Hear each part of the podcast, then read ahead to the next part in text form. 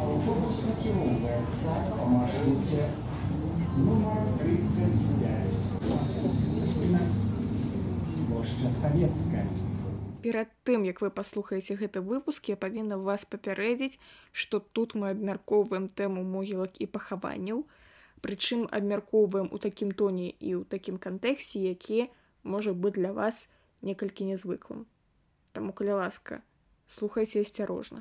Добры дзень, шаноўныя слухачы, гэта падкаст утульны горад, а мяне завуць Даша і сёння у нас амаль інфернальная тэма будзем з вами размаўляць пра могілкі у гарадах і не толькі.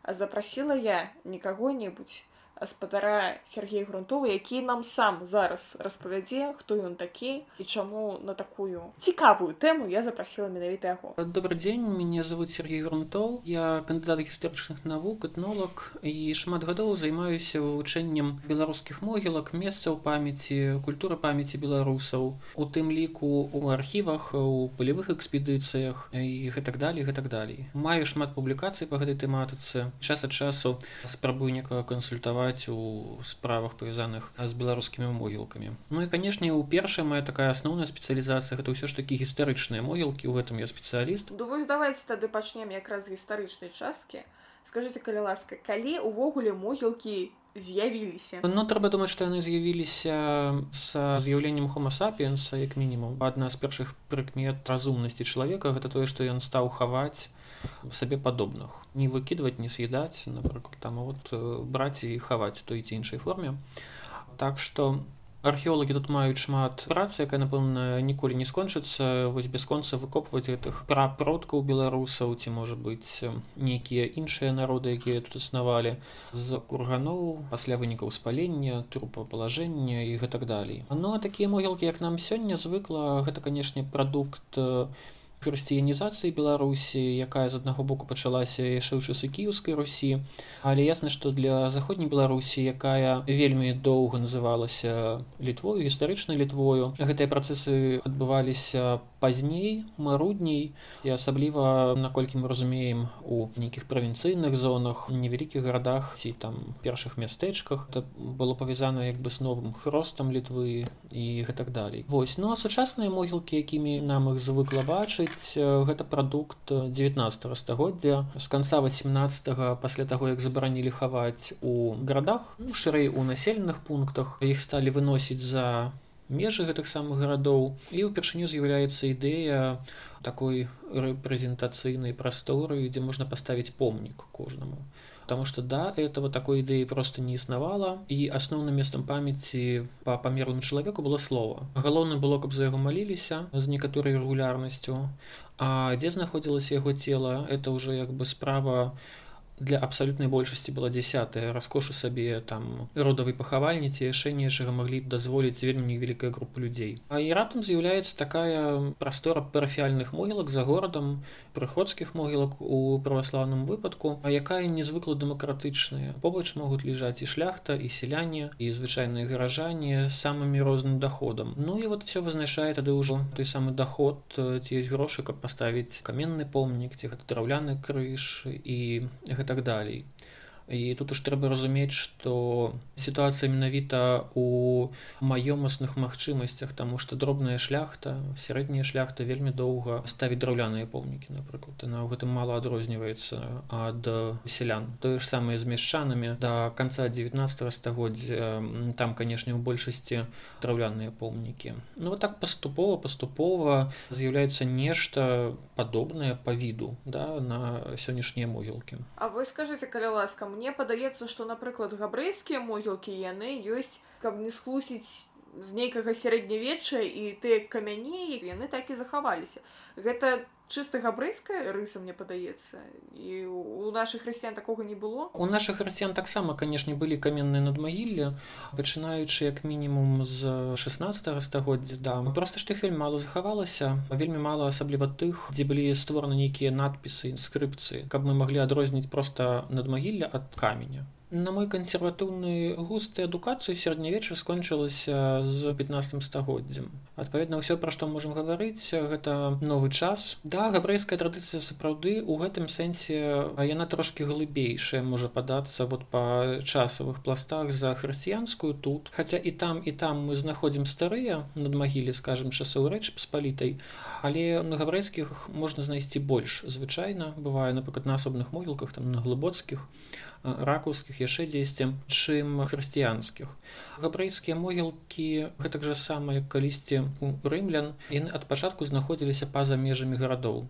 Калі прайшла гэта рэформа можна было б думаць што яна іх не кранулася. Ну насамрэч на іх канешне кранулася паколькі гарады раслі могілкі аказваліся у гарадах вот як мы добра ведаем і іх таксама прыходзілася закрываць открываць новыя адсоўваць паступова все далей і далей ад горада. Але так традыцыя гэтых каменных мацэваў яна вельмі старая на мацэвы гэта такі традыцыйны іўдыйскі від агільных камянёў якія уяўляюць сабой уласна такі камень які стаіць і зроблены нейкія запісы і сімвалы у беларусі не пазней як з 18 стагоддзя может быть раней. Трэба праўда памятаць што паралельна існаваў велізарны пласт драўляных габрэйскіх надмагіляў так ж сама як у хрысціян яны практычна не захаваліся. Адзіны прыклад на беларусі местэчка ленін дзе мы гэта можам убачыць. Но па фотаздымках мы ведаем што іх было вельмі шмат па віду па форме яны збольшага паўтаралі каменныя зразумела давайте тады ад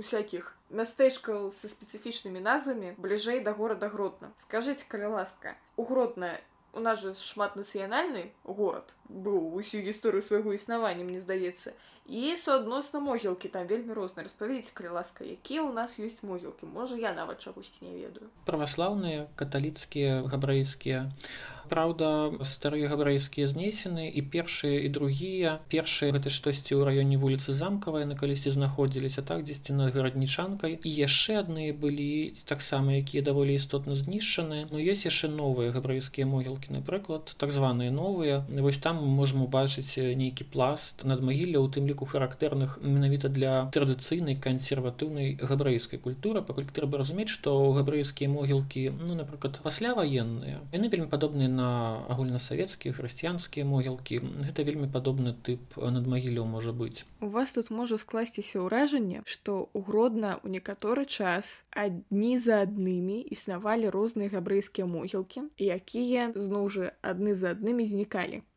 гэта не зусім так. Глядзіце першыя могілкі сапраўды былі на вуліцы вялікай траецкай. І там былі пахаванні яшчэ ў сорокавыя годы калі там было габрэйскае гетта. У 46 гарвы канкам прыняў рашэнне аб замацаванні зямельнага участка за вайсковай часткай. І што вы думаеце? Канешне могілкі знішчылі. Калі казаць пра другія могілкі яны месціліся на перакрыжаванні сучасных вуліц каліноўскага горкага камунальнай. І у 49 годзе Гарваканкам прыняў рашэнне аб закрыцці і гэтых могілак. На месцы могілак пабудавалі стадыён. Ну, больш-менш пашчасціла за нёманскім могілкам. Там, дарэчы, захаваліся помнікі, якія датуюцца 18 стагоддзям. І гэтыя могілкі зараз зачыненыя, пахаванні там не вядуцца, але прынамсі ад іх нешта захавалася.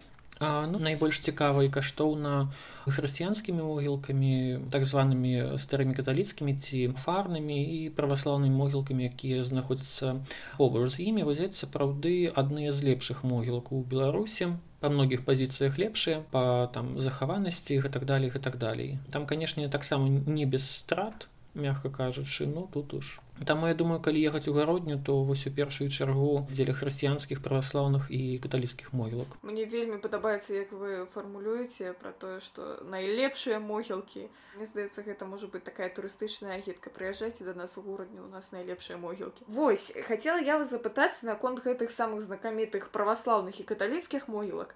Калі я праходжу каля праваслаўных могілак я так гляджу ну могілкі як могілкі такія ж самыя як і сучасныя нават мне не думаецца што там нейкія старыя пахаванні ёсць А вось калі я праходжу на каталіцкія адчуванне што я апынулася ў Еўропе ведаеце як у тых фільмах дзе прыгожыя скульптуры нейкія фамільныя склепы часоўні ўсё астатніе пытанне што гэта такое? Чаму так адбылося і ці ёсць увогуле нейкая каштоўнасць у нашых праваслаўных могілках таму што так на першы погляд падаецца што не.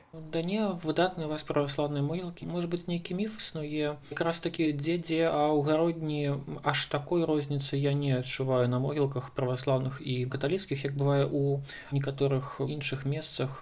І это не толькі гародні тэма да умоўна у вільні вельмі окей раскручаныя могілкі росы так беларускія пахаванні на росах бернардзінскія могілкі на зарэчы на ўжупісе і значна мяне людзей якія даходзяць да праваслаўных могілак у вільні старых. Выдатныя могілкі. Цікава паглядзець цікава пагуляць. Таксама як і на бернардзінскіх і на росах ёсць і беларускія помнікі у сэнсе і беларусаў і зробленыя ў беларусі. Я думаю што вось якраз у гародні вельмі падобная сітуацыя. Зразумела то бок там ёсць гісторыка-культурная каштоўнасць у гэтых помніках у гродні? Да безумоўна безумоўна ёсць. Дзякуючы мясцовым ініцыятывам там шэрагу помнікаў зараз нададзены статус гісторыка-культурнай каштоўнасці афіцыйныя на жаль не нададзены цалкам могілкам. Да канешне ёсць канешне там есть цікавыя помнікі там ёсць рэчы даволі унікальныя. Канешне есть розніца паміж праваслаўнымі каталіцкімі. Зараз яна можа быць менш адчуваецца. Напрыклад год 20 таму калі там упершыню мне давялося гуляць напэўна. Там вельмі добра было бачна аж як шмат склепаў сямейных. На каталіцкіх мылках я просто туды она была зарослы я яшчэ справалялася ногой в эти склепы. А сёння людзі вельмі мала усведамляюць калі гуляюць па могілках что склепаў значна больш яны могуць уявіць.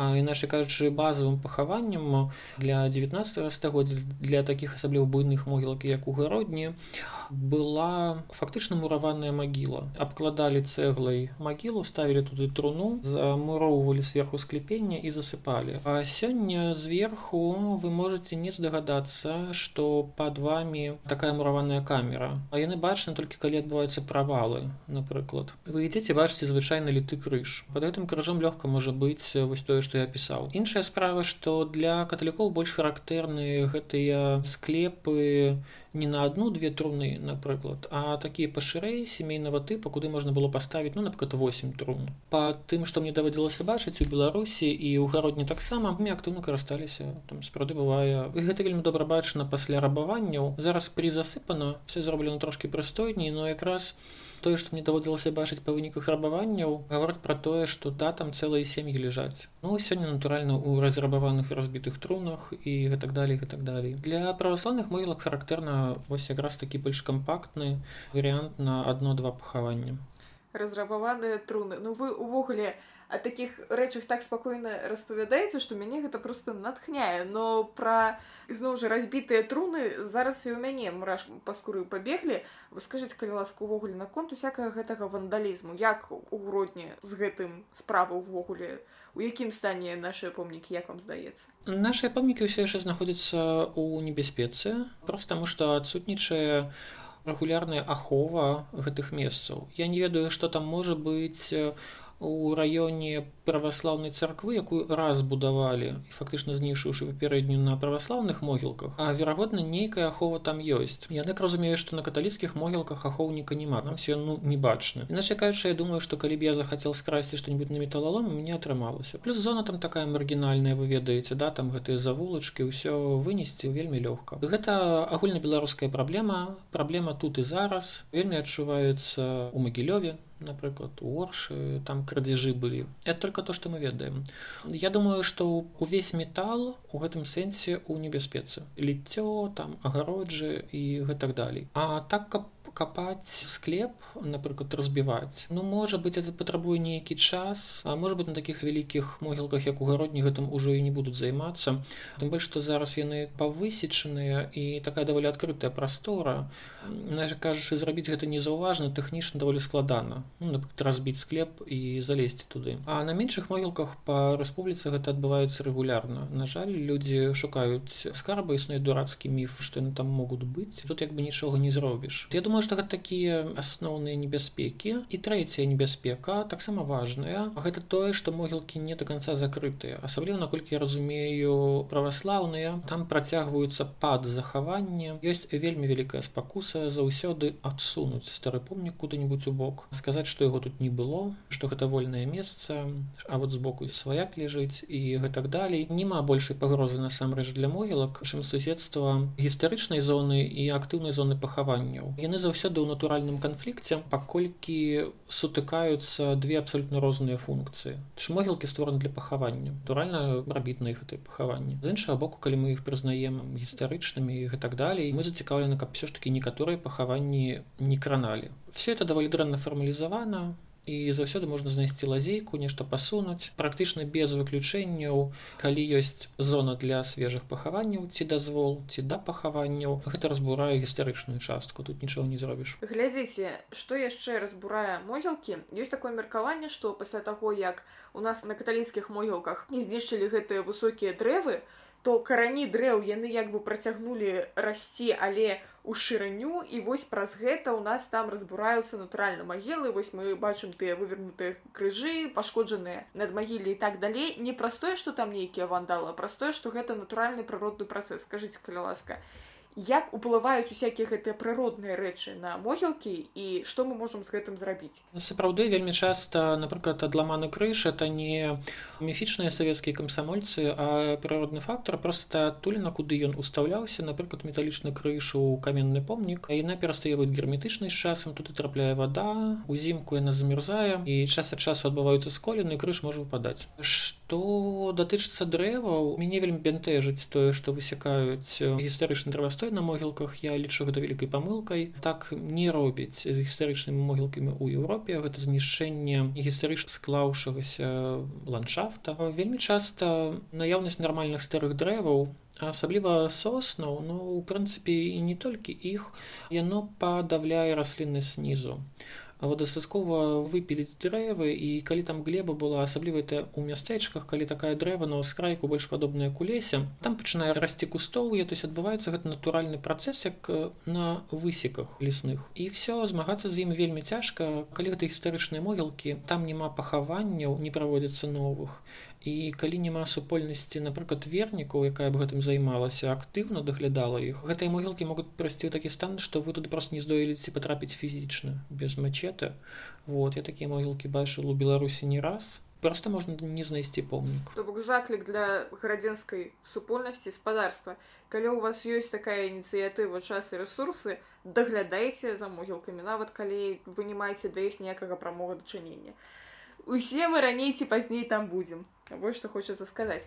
Глядзіце яшчэ одно у мяне пытанне наконт менавіта грозенскіх могілак. Наконт скажем так мастацкай каштоўнасці некаторых помнікаў Напрыклад, калі мы там хадзілі з маімі сяброкамі, мы звярталі ўвагу на такія помнікі ў форме дрэў, у якіх адсеклі галіны. Там былі ўсякія такія даволі характэрныя скульптуры анёлаў, часта з адламанымі крыламі, галовамі і так далей. І якое ж было маё здзіўленне, калі я ў той жа вільні заўважыла такія ж самыя помнікі на бернардзінскіх могілках, на роскіх могілках, скажитеце калі ласка гэта што нейкая наша агульная нацыянальная рыса з гэтымі дрэвамі і гэтымі анёламі? Не нацыянальная яны ёсць у Еўропе ёсць у францыі у меншай правда значна колькасці. Но такая спадчына романтызма сярэдзіны 19 стагоддзя. Романтызм як настрой ці стыль. На могілках ён конечно працягнуўся значна даўжэй чым напрыклад у літаратуры там і так далее так далее может быть до конца не сыходзіў. А таму нацыянальнай асаблівасцю я б гэта не назвал такое адчуванне ад рэгіёна можа быть большая колькасць таких помнікаў помнікаў так. Ад рэгіёны я маю на увазе гародні вільні даўгов пілса і гэтак далей гэтак далей. Да амаль усёй беларусі у тым ліку і на габрэйскіх могілках яны ёсць. Сапраўды можна сказаць что да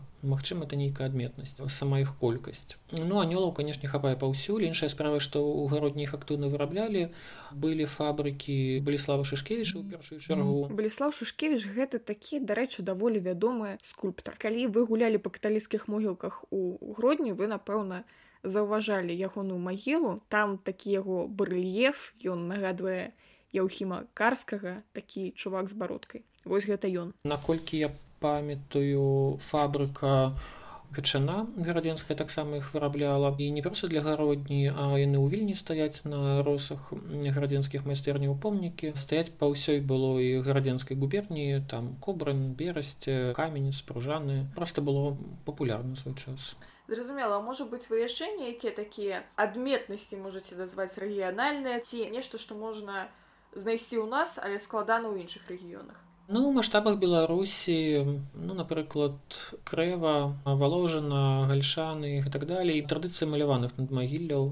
Там былі майстэрні, якія з граніту выраблялі такім даволі рустыкальным стылі мадон. Рустыкальны стыль гэта такі стыль, у якім ужываюць вясковую эстэтыку і выкарыстоўваюць усякія прыродныя матэрыялы анёлаў ён такія пузаценькія бывае вот у народным мастацтве што я думаю часткова вызначаецца складанасцямі ўвогуле працоўкі граніта ну як матэрыяла да для лакальных скульптараў Хаця з бетона, у прынцыпе, там не лепей атрымлівалася. Гэтыя помнікі пасля вайны вельмі актыўна распісвалі каляровымі фарбамі і зараз працягваюць распісваць так што вы можете прайсці могілкі убачыць какую-нибудь пузатую дзеву марыю такой блакітнай манціі тут анёльчыкі збоку все гэта вельмі каляровыя яскравыя я думаю что цікавая адметнасць. Я думаю что можа быть не вымаўленая малавядомая такая але яна дакладна ёсць. Гарадзенскі рэгіён дарэчы цікавы даволі добрай захаванасцю драўляных помнікаў. Вот мы ведаем что яны все былі драўляныя калісьці да там у 19 стагоддзе ну і куда зніклі. Прынамсі засталося вельмі мала але у гарадзенскім рэгіёне напрыклад на гарадзенскі раён гэта могілкі у гожы так это такое было мястэчка там захаваліся высачэзныя можа пад метраў сем крыжы драўляныя і яны цікавыя тым што там ёсць эпітафіі да то есть мы іх можемм датаваць І вось гэтыя крыжы яны паходзяць з канца 19 стагоддзя самыя раннія. Тое ж самае на могілках у дабраволі свіслацкага раёна. Там ёсць крыжы з канца 19 стагоддзя, вот мы можам прыйсці ў жывую гэта ўбачыць як гэта выглядала это нешта што мае сэнс зрабіць таму што гэта знікне і больш ніколі не паўторыцца. Это ясна што это знікаючая традыцыя дрэва гніе і на гэтым кропка. У ваколіцах ліда ў беліцы есть даволі цікавыя драўляныя імітацыі мураваных капліц на могілках. З 19 стагоддзя две штукі там захавалася ў беліцы. І ввогуле для рэгіёну была характэрна асабліва ў міжваенку імітацыя з дрэва вось гэтых стандартных помнікаў у выглядзе такой стэлы з крыжом. То толькі каптані яны бралі дрэва і рабілі тое самае з дрэва. Это даволі цікава. Зразумела. Давайте тады трошки перайдзем напэўна да сучаснасці ад гістарычнасці. Наколькі я ўжо зразумела вы даволі нармальна ставіцеся потому что людзі ходзяць на могілкі дзеля экскурсіі дзеля гістарычнага антрапалагічнага інтарэсу так Ну да. А чаму гэта нармальна для перлашеза і может быть ненармальна тады для любых іншых могілак? Не бачу ніводнай прычын чаму гэта нармальна для ваганькаўскіх могілак у Маскве да напрыклад а ненармальна для любых іншых могілак у Беларусі? Мне падаецца што гэта абсалютна прынятая практыка. Да па шчырасці не ведаю людзей якіх бы гэта выклікала здзіўленне. Ну можа быть я просто у мяне свой свет да і ён скажоны трошки ну. Мне падаецца трошки скажона тому что напрыклад не ўсе нават там мае сябры могуць зразумець мой асабісты інтарэс да могілак плюс да таго ёсць пэўныя прыкметы забабоны наконт таго як правильно хадзіць на могілкі па-першае вось я вам такое агульнанароднае з чым я асабіста сутыкалася на гродзеншчыне напрыклад распавяду увогуле на могілкі нельга хадзіць без непасрэднай на то неабходнасці то бок схадзіць дзеля таго каб просто паглядзець гэтага рабіць не варта можна прыйсці каб там даглядаць магілу сваіх сваякоў не для чаго болей. Выходзіць трэба праз тую ж браму праз якую ты там заходзіш так праз іншую браму ўжо выходзіць не варта трэба кола зрабіць па могілках але вярнуцца як заходзіла нічога нельга браць з могілак то бок спадабалася кветачка лісточак не тамі пакладзідзе ўзяла а нельга яшчэ разглядаць там над магілля іншых людзей акрамя ад пахаваных сваякоў вось як вам здаецца з аднаго боку цікавасць моладзі даследчыкаў да могілак як да некай мастацкай праявы свету і з другога боку вось наяўнасць такіх забабонаў гэта вось тое што я пералічваю гэта не то што ў мяне там сям'я ці асяроддзе нейкай дзіўная гэта ну вось такія як бы агульныя правілы гэта ну просто ўсе ведаюць для ўсіх натуральна у нас прынамсі ну нармальная традыцыйная вясковая культура якая працягвае жыць у горадзе у першым другім а может быть трэцім пакаленні хто ж я ведае А во з аднаго боку да гэтага можна ставіцца ну з паразуменнем зафіксаваць гэта да будзе фальклорны этнаграфічны матэрыял напрыклад пытанне толькі ў тым да якой культуры вы належыце мне падаецца што трэба выбіраць да. То гэта і тады цалкам вся сістэма гэтай традыцыйнай культуры тады гэта можна зразумець. Калі не то гэта забабон не вераванне а забабон да менавіта. Тут просто трэба спакойна правесці рэвізію у сабе і зразумець што чырвоная котка не вінаватая што вот она перабегла дарогу напрыклад і гэтак далей.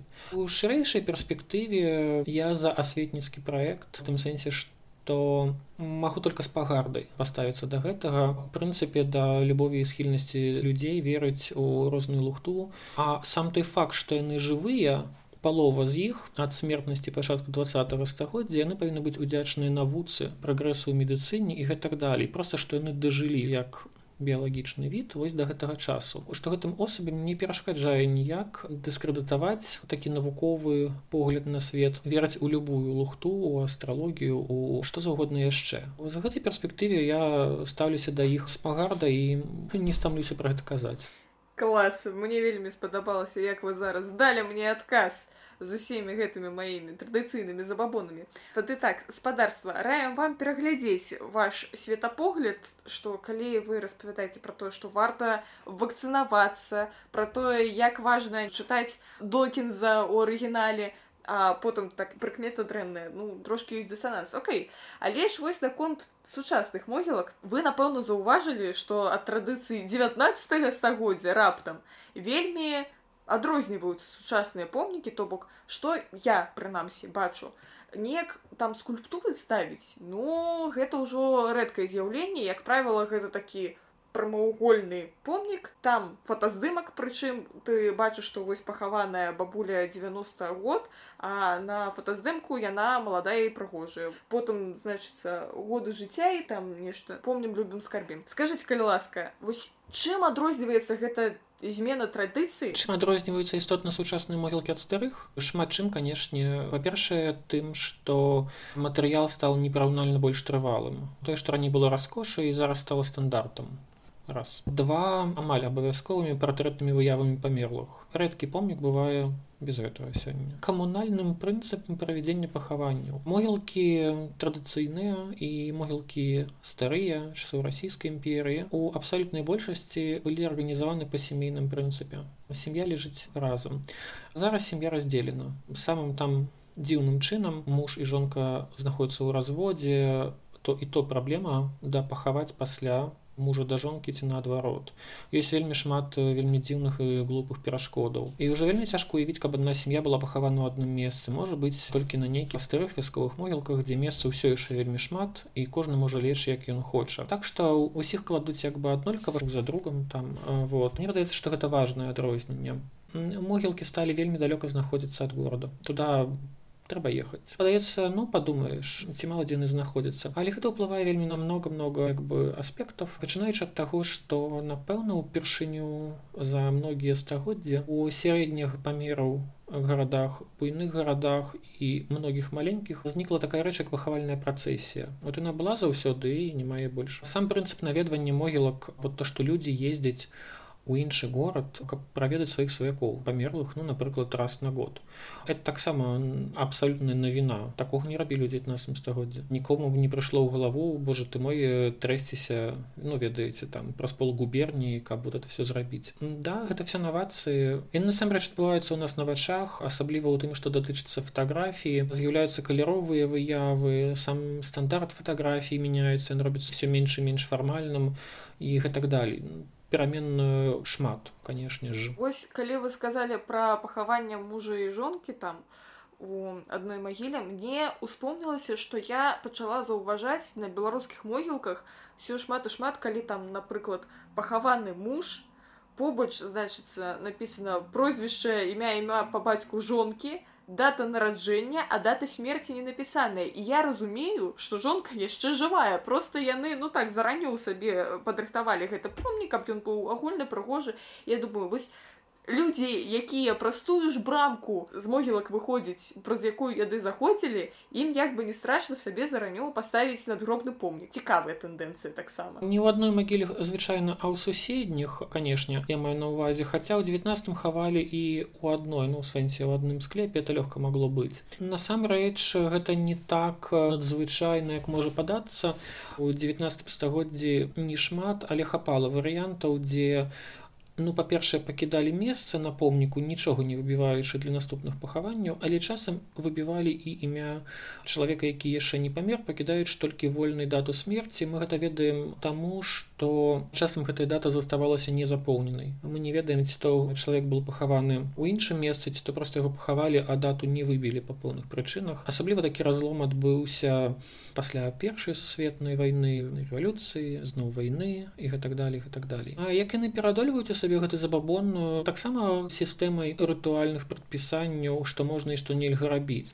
Вынікае што выбіць імя вот чалавека жывого можна на помніку. а дата ну по-любому вольнай смерти застаецца на вельмі часто заклеиваюць фотаздымак. Я немало бачыл варыянтов дзе ён праз скотчем залеплены а отлепіць яго калі пахаваюць. Ну тут по-рознаму выкручваюцца як бы. Клас якое раздоле для фальклорыстаў просто гэтай вашай могілкі. Я цяпер зразумела чаму вы імі так моцна зацікаўленыя. Ну глядзіце вось ужо на фінал нашай размовы. У сучасных гарадах ёсць праблема якую таксама падымаюць раз за разам. у про тое что месца на могілках скончваецца а жадаючых там ляжаць неяк не скончваецца чамусьці. Як вы думаеце ці сапраўды гэта істотная праблема для наших сучасных гарадоў і што можна з гэтым зрабіць калі гэта сапраўды праблема Да, гэта істотная праблема. Можа быць адна з самых важных праблем для сучасных могілак не гістарычных у сэнсе кіравання імі. Шлях тут можа быць толькі адзін гэта часовы характар пахаванняў як у Еўропе. Гэта не азначае што палежалі 20 год там і все свабодныя да ці напрыклад у італіі іспаніі паўднёвых краінах гэта можа быць і 8 гадоў і 10 гадоў. Это вельмі кароткія насамрэч прамежкі пасля якіх трэба даплочваць за права лежаць. Але ясна што нейкі такі фармальны акт хаця б невялікая сума праз пэўны час павінна нейкім уносіцца канешне паза вось гэтым гістарычным пластом які можна так ці інакш акрэсліць правесці гэту лінію напрыклад усе пахаванні да 18 -го года 1918 плюс плюс плюс там па нейкіх прыкметах яшчэ нешта канешне калі там застаецца напрыклад просто металічны крыж невядома хто там пахаваны няма сваякоў і гэтак далей гэта магіла павінна выкарыстоўвацца зноў для мяне гэта абсалютна відавочна ясна што ўзнікаюць этычныя праблемы да? Ну а што што рабіць насамрэч тут далёк хадзіць не трэба вось яна беларуская традыцыйная культура якая хавала слаямі за кошт того што што помнікі былі драўляныя яны там регулярна падалі гнілі а і магілу капалі зноў на тым месцы якое падавалася вольным. Калі выкопвалі косці напрыклад не спарахнелыя а такое бывало нерэдка іх кідалі ў тую ж магілу маглі кідаць манету на выкуп старому пакойніку і гэтак далей гэтак далей наша кажучы калі прах у той ці іншай форме застаецца на могілках у цэлым могілкі можна ўспрымаць як месца памяці гэтага чалавека нават калі магіла его страчана мы ведаем што ён пахаваны тут. Нельга сказаць што он там куда-то выкінут умоўно кажучы да он просто вернулся ў нейкую большую ананімнасць у якую вернется абсалютная большасць сучасных пахаванняў тут не трэба ніякіх ілюзій трэба разумець что пахаванне гэта справа сямейная это клопат сям'і і клопат того что называюць камунікатыўнай памяццю людзей у трох-чатырох пакаленняў які асабіста ведалі гэтага чалавека. Вельмі рэдка пасля гэтага камусьці праходзіць у галаву шукаць займацца. Можете падумаць пра сябе на, на якую глыбіню пахаванню вы ведаеце да там сваіх прабабуль і за якімі з іх магіл вы клапоціцеся. І якой бы гэта глыбіня не была 4 5 пакаленняў вы вельмі хутка знойдзеце гэты край. Для беларусаў звычайна ў вёсках гэта было тры пакалення если честным калі не расказваць казкі там про 7 пакаленняў і вот это все астатняе. Это не трагедыя это абсолютно нормальны здаровы спакойны падыход да таго что адбываецца с нами пасля смерти. С нами не ў сэнсе нават астанка ну, памяць про чалавека. Не трэба тут уж быць такими гардзіцамі і думаць что нехта нас будзе памятаць стагоддзямі. Зусім не факт. Пакуль такія рэформы не будуць праведзены а намёк іх няма мы маем вялікія вялікія вялікія праблемы наперадзе ясна што гэтыя гіганцкія могілкі якія ствараюцца сёння праз 50 год будуць паўзакінутымі тэрыторыямі за якімі не будзе каму наглядаць паўзарослымі маргіналізаванымі магчыма крымінальнымі неяк і гэту праблему вырашыць тут таксама праблема на невялікая беда у нейкім сэнсе Зразумела, дзякую вам вялікі за такую змястоўную цікаўную размову. Можа быць, маеце нешта сказаць, пажадаць нашым слухачам на развітанне. Можа быць наступны раз прыйшоўшы на могілкі паспрабаваць паглядзець на іх неяк па-іншаму таму што насамрэч могілкі гэта тэкст які можна чытаць десяткамі розных спосабаў разглядаць фотаздымкі чытаць эпітафіі і гэтак далей гэтак далей Я думаю у сэнсе змястоўнасці гарадской прасторы могілкі это адна з самых змястоўных насычаных зместамі і сэнсамі прастору для чытання. Я думаю што расшырэнне наших магчымасцей у прынцыпе задумацца пра гэта яно ўплывае і у цэлым на то як мы бачым рэчаіснасць на то як мы не толькі могілкі але ў цэлым успрымаем яе. Таму могілкі гэта выдатнае месца дзе можна папрактыкавацца. Зразумела. Вялікі дзякуй. І вам дзякуй. На заканчэнне я павінна вам сказаць што асабліва чутлівым людзям будзе напэўна дзіўна як мінімум чуць такія выразы кшталту. Усе усе ляжаць штабелямі у кантэксце могілак, але я вас папярэджвала, што з спадаром Сергеем трэба быць акуратнымі. У любым выпадку, калі вы раптам зацікавіліся тэмай могілак, асабліва гарадзенскіх могілак, я вам раю знайсці ў інтэрнэце такое выданне. гарадзенскі гадавік нумар 5 ёсць у вольным доступе можна спампаваць і там якраз пяты нумар прысвечаны тэме гродзенскіх могілак з розных пунктаў гледжання ад розных жа даследчыкаў. Вельмі цікава, вельмі раю. А таксама я вам раю падпісацца на наш падкаст, паставіць лайкі, зорачкі гэтаму выпуску і ўсе астатнія прыемныя адзнакі і пачуемся. Бывайце, паэзны